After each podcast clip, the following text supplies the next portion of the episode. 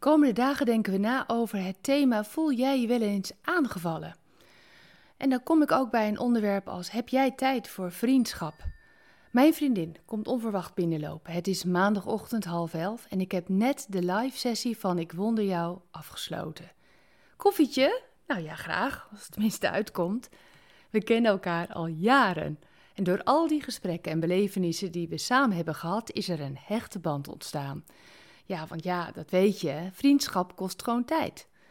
Gideon heeft ook tijd met God doorgebracht. En hij ontdekt dat God zijn vriend wil zijn.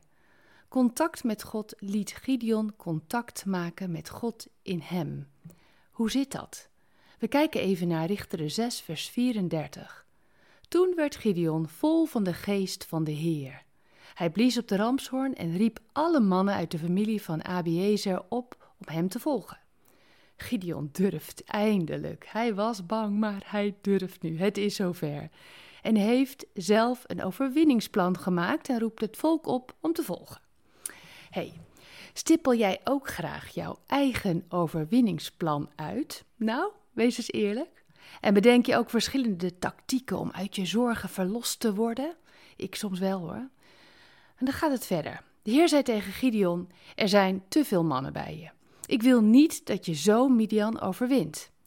Toen gingen, let op, 22.000 mannen terug. En er bleven er 10.000 over. Je kunt het lezen in Richteren 7. God vindt het belangrijker dat je hem leert vertrouwen als vriend, dan dat je gaat strijden op jouw manier.